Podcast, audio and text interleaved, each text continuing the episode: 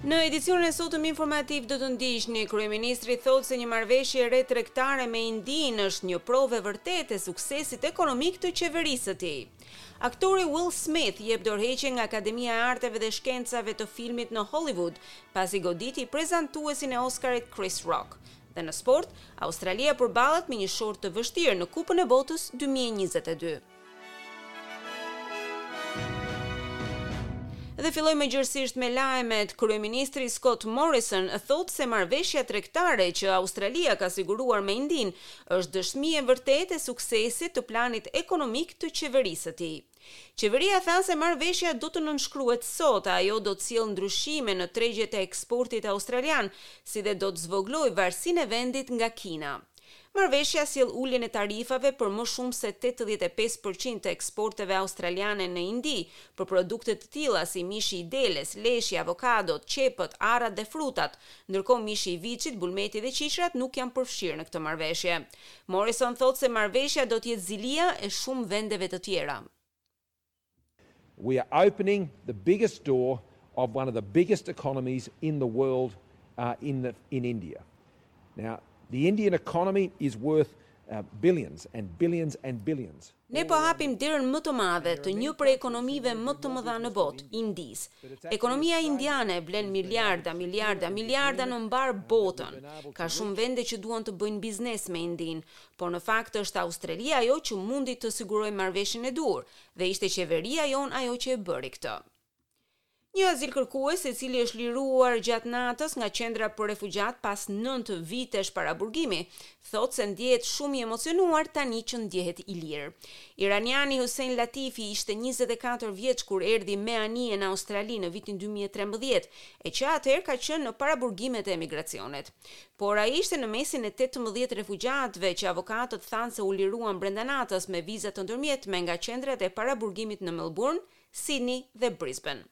Liria e zotit Latifi përkoi me ditëlindjen e tij të tridhjetë e tretë dhe ai thotë se ndonëse ndjehet i lumtur që është jashtë, i vjen keq për tetë persona të tjerë të cilët i la pas në hotelin Park të Melburnit. The moment they told me that you going to get released tonight To be honest, I was very sad because it's very hard to leave your friend behind. Kur më thanë se do të lirohesh sot, të them të drejtën u mërzita, sepse është shumë e vështirë të lësh pas miqtë. Kemi qenë si familje, kemi qenë në këtë situatë për pothuajse nëntë vite dhe është shumë e vështirë t'i thuash miqve të tu lamtumirë, tha ai.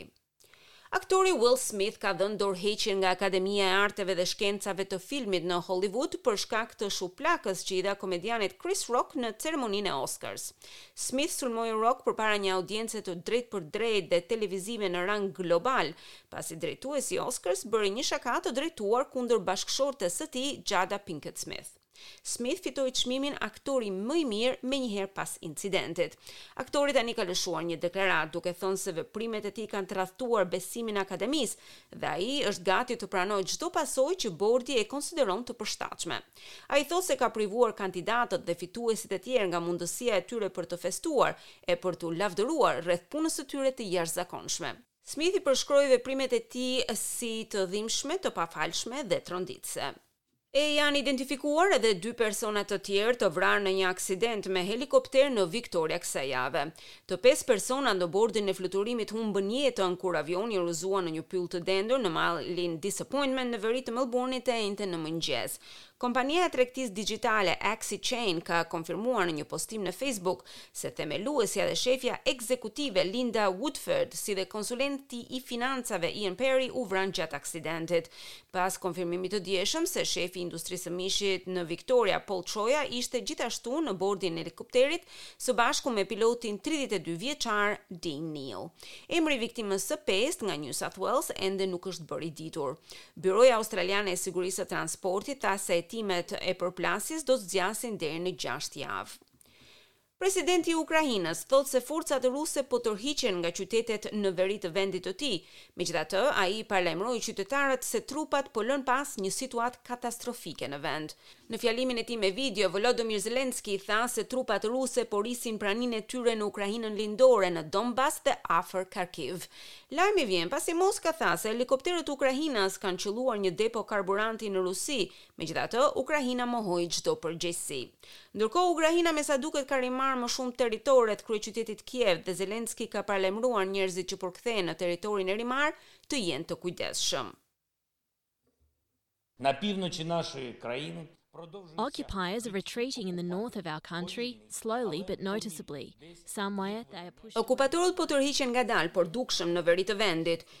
Diku janë shtyrë me luftime, diku janë larguar vetë nga pozicionet e tyre.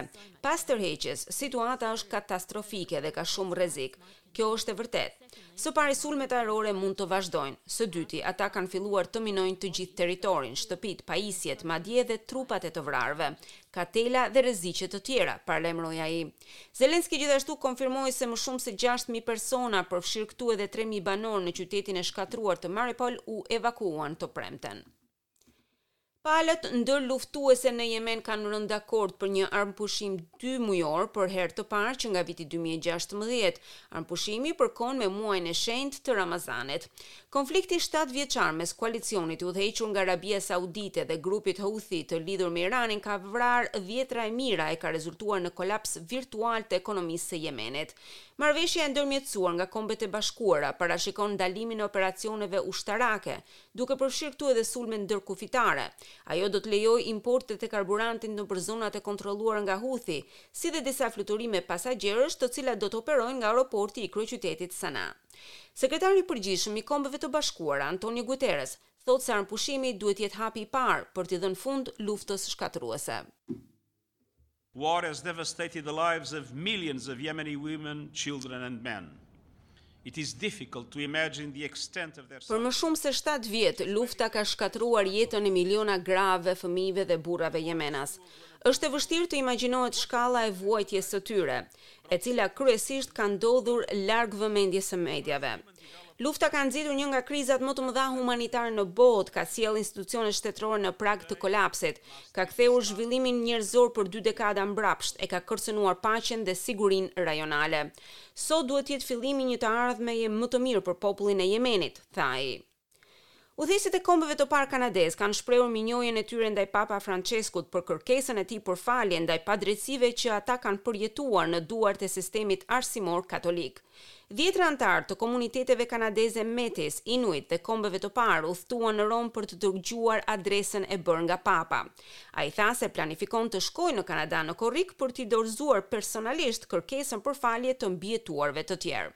Më shumë se njëqind e pesëdhjetë mijë fëmijë indigjenë nga Kanadaja u detyruan të ndiqnin shkollat e krishtera të financuara nga shteti në shekullin nëntëmbëdhjetë e deri në vitet një mijë e nëntëqind e shtatëdhjetë, në një përpjekje për t'i izoluar ata nga ndikimi i vatrës e kulturës së tyre.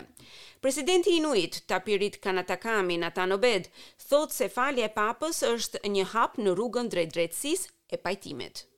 Behind the lies, behind the lack of justice. Pas gënjeshtrave, pas mungesës së drejtësisë, ky Papë, Papa Françesku, vendosi që të thotë fjalën e duhur, që kombet e parë Inuit dhe Metis kanë dëshiruar ta dëgjojnë për dekada të tëra.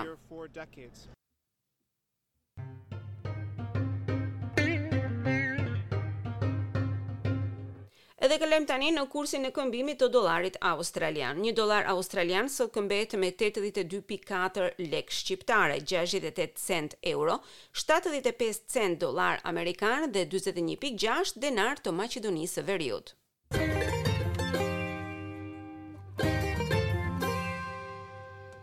Dhe kalojmë në sport, Australia do të përballet me një short të vështirë në Kupën e Botës së bashku me kampionen e botës të vitit 2018, Francën.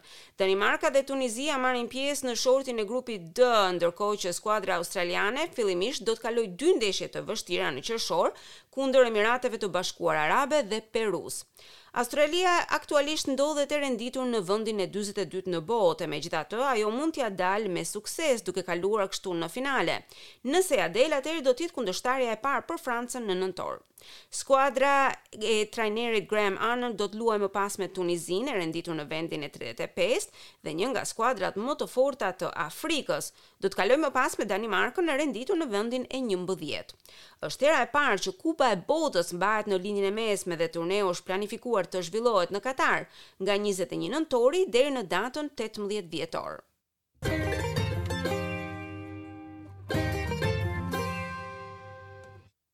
U kujtojmë të gjithë dëgjuesve që sot do të bëhet edhe ndrrimi i orës. Më saktë ndrrimi i orës do të ndodhë në orën tre të mëngjesit. Ora do të kthehet mbrapa dhe do t'ju lejojë që të flini edhe një orë tepër.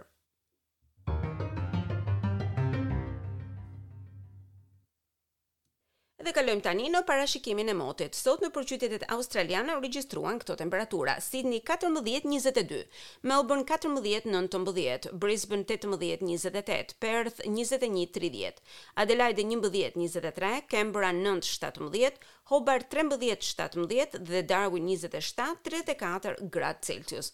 Për nesër byroja e parashikimit të motit ka sjellë këto temperatura, Sydney katërmbëdhjetë, njëzet e gjashtë, Melbourne pesëmbëdhjetë, nëntëmbëdhjetë, Brisbane tetëmbëdhjetë, njëzet e nëntë, Perth njëzet e një, njëzet e tetë, Adelaide trembëdhjetë, njëzet e katër, Canberra dhjetë, nëntëmbëdhjetë, Hobart njëmbëdhjetë, tetëmbëdhjetë dhe Darwin njëzet e gjashtë, tridhjetë e katër, gradë Celsius.